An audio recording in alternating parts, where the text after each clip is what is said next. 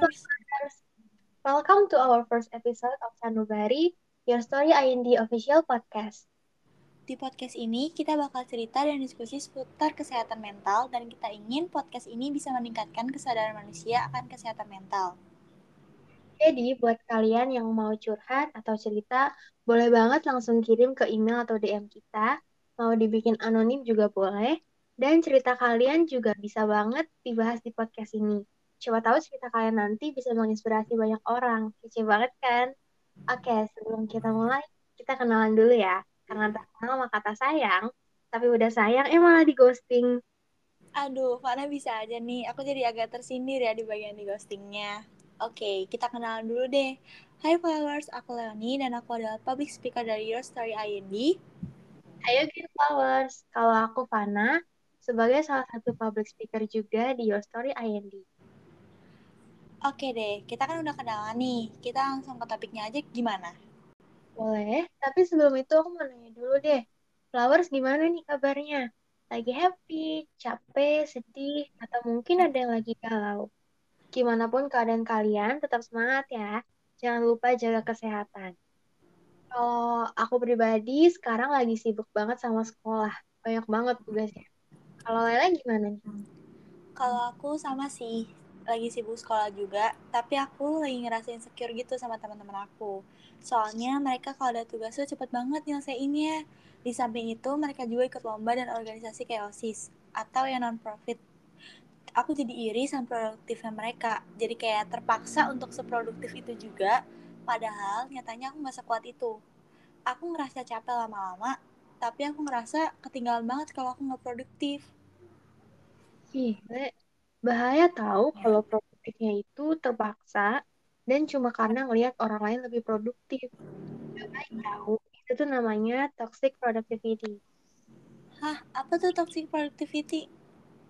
Jadi, toxic productivity itu keinginan yang nggak sehat untuk terus produktif setiap saat dengan cara apa pun. Pokoknya kamu tuh maunya produktif terus.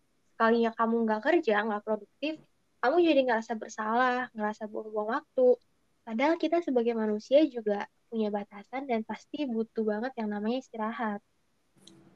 Oh, gitu tuh ternyata. Penyebabnya bisa kayak gitu apa ya? Kalau menurut aku kayaknya karena pengaruh dari lingkungan juga gak sih?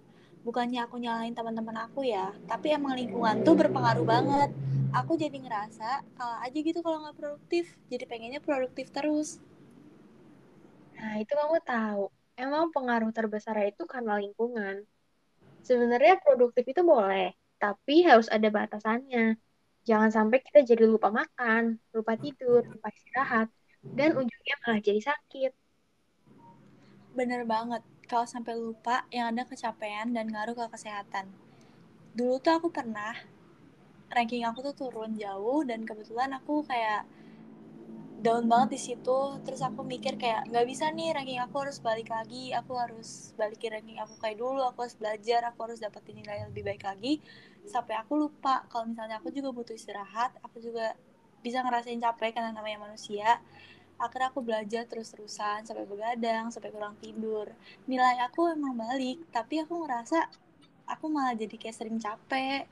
Jadi kesehatan aku tuh jadi sering berantakan juga.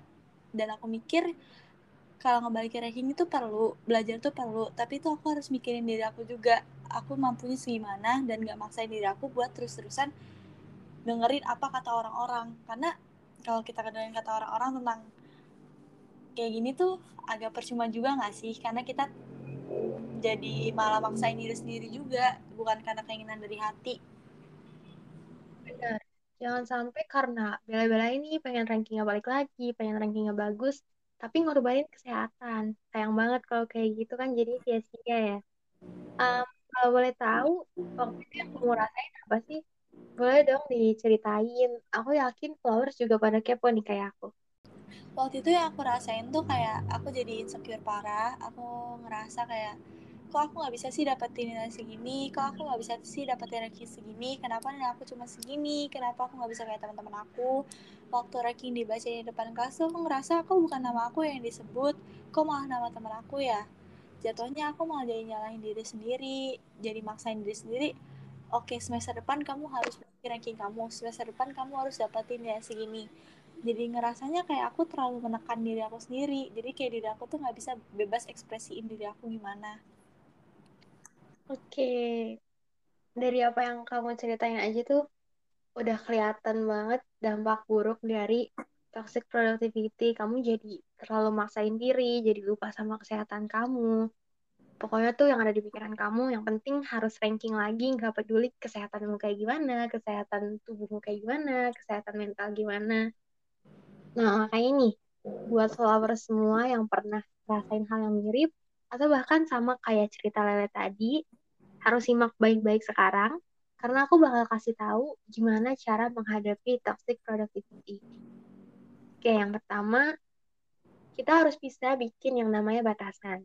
Kita harus ingat kalau segala sesuatu itu ada batasnya, dan jangan sampai kita ngorbanin hal yang gak sepadan cuma untuk dapetin suatu hal. Kayak cerita tadi, dia sampai ngorbanin kesehatan fisik dan kesehatan mentalnya cuma demi ranking.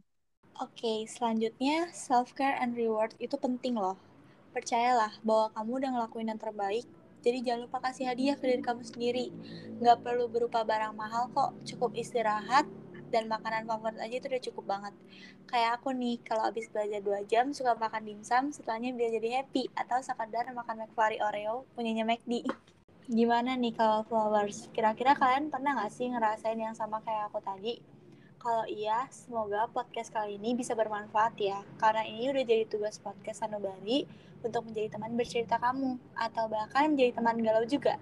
Kita, Your Story IND, selalu siap untuk dengerin cerita kamu. Jadi jangan takut untuk kirim cerita di email atau DM kita. Bisa anonim juga kok, identitas kamu gak akan kesebar. Siapa tahu dengan kamu cerita ke kita, kamu bakal ngerasain lebih sedikit lega dan masalah kamu bisa berkurang sedikit.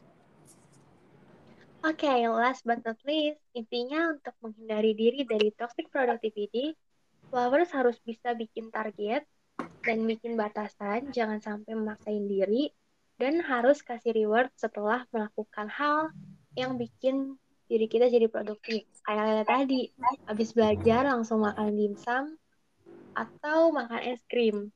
Oke, okay. sekarang udah waktunya kita akhirin podcast kali ini. Tapi jangan sedih karena kita akan kembali lagi dengan topik yang pastinya nggak kalah menarik. Ya nggak, Le? Bener banget dong. Makasih banyak untuk Flowers yang udah setia dengerin podcast kita sampai akhir. And see you. Have, Have a great, great day. day. Bye-bye. And bye-bye.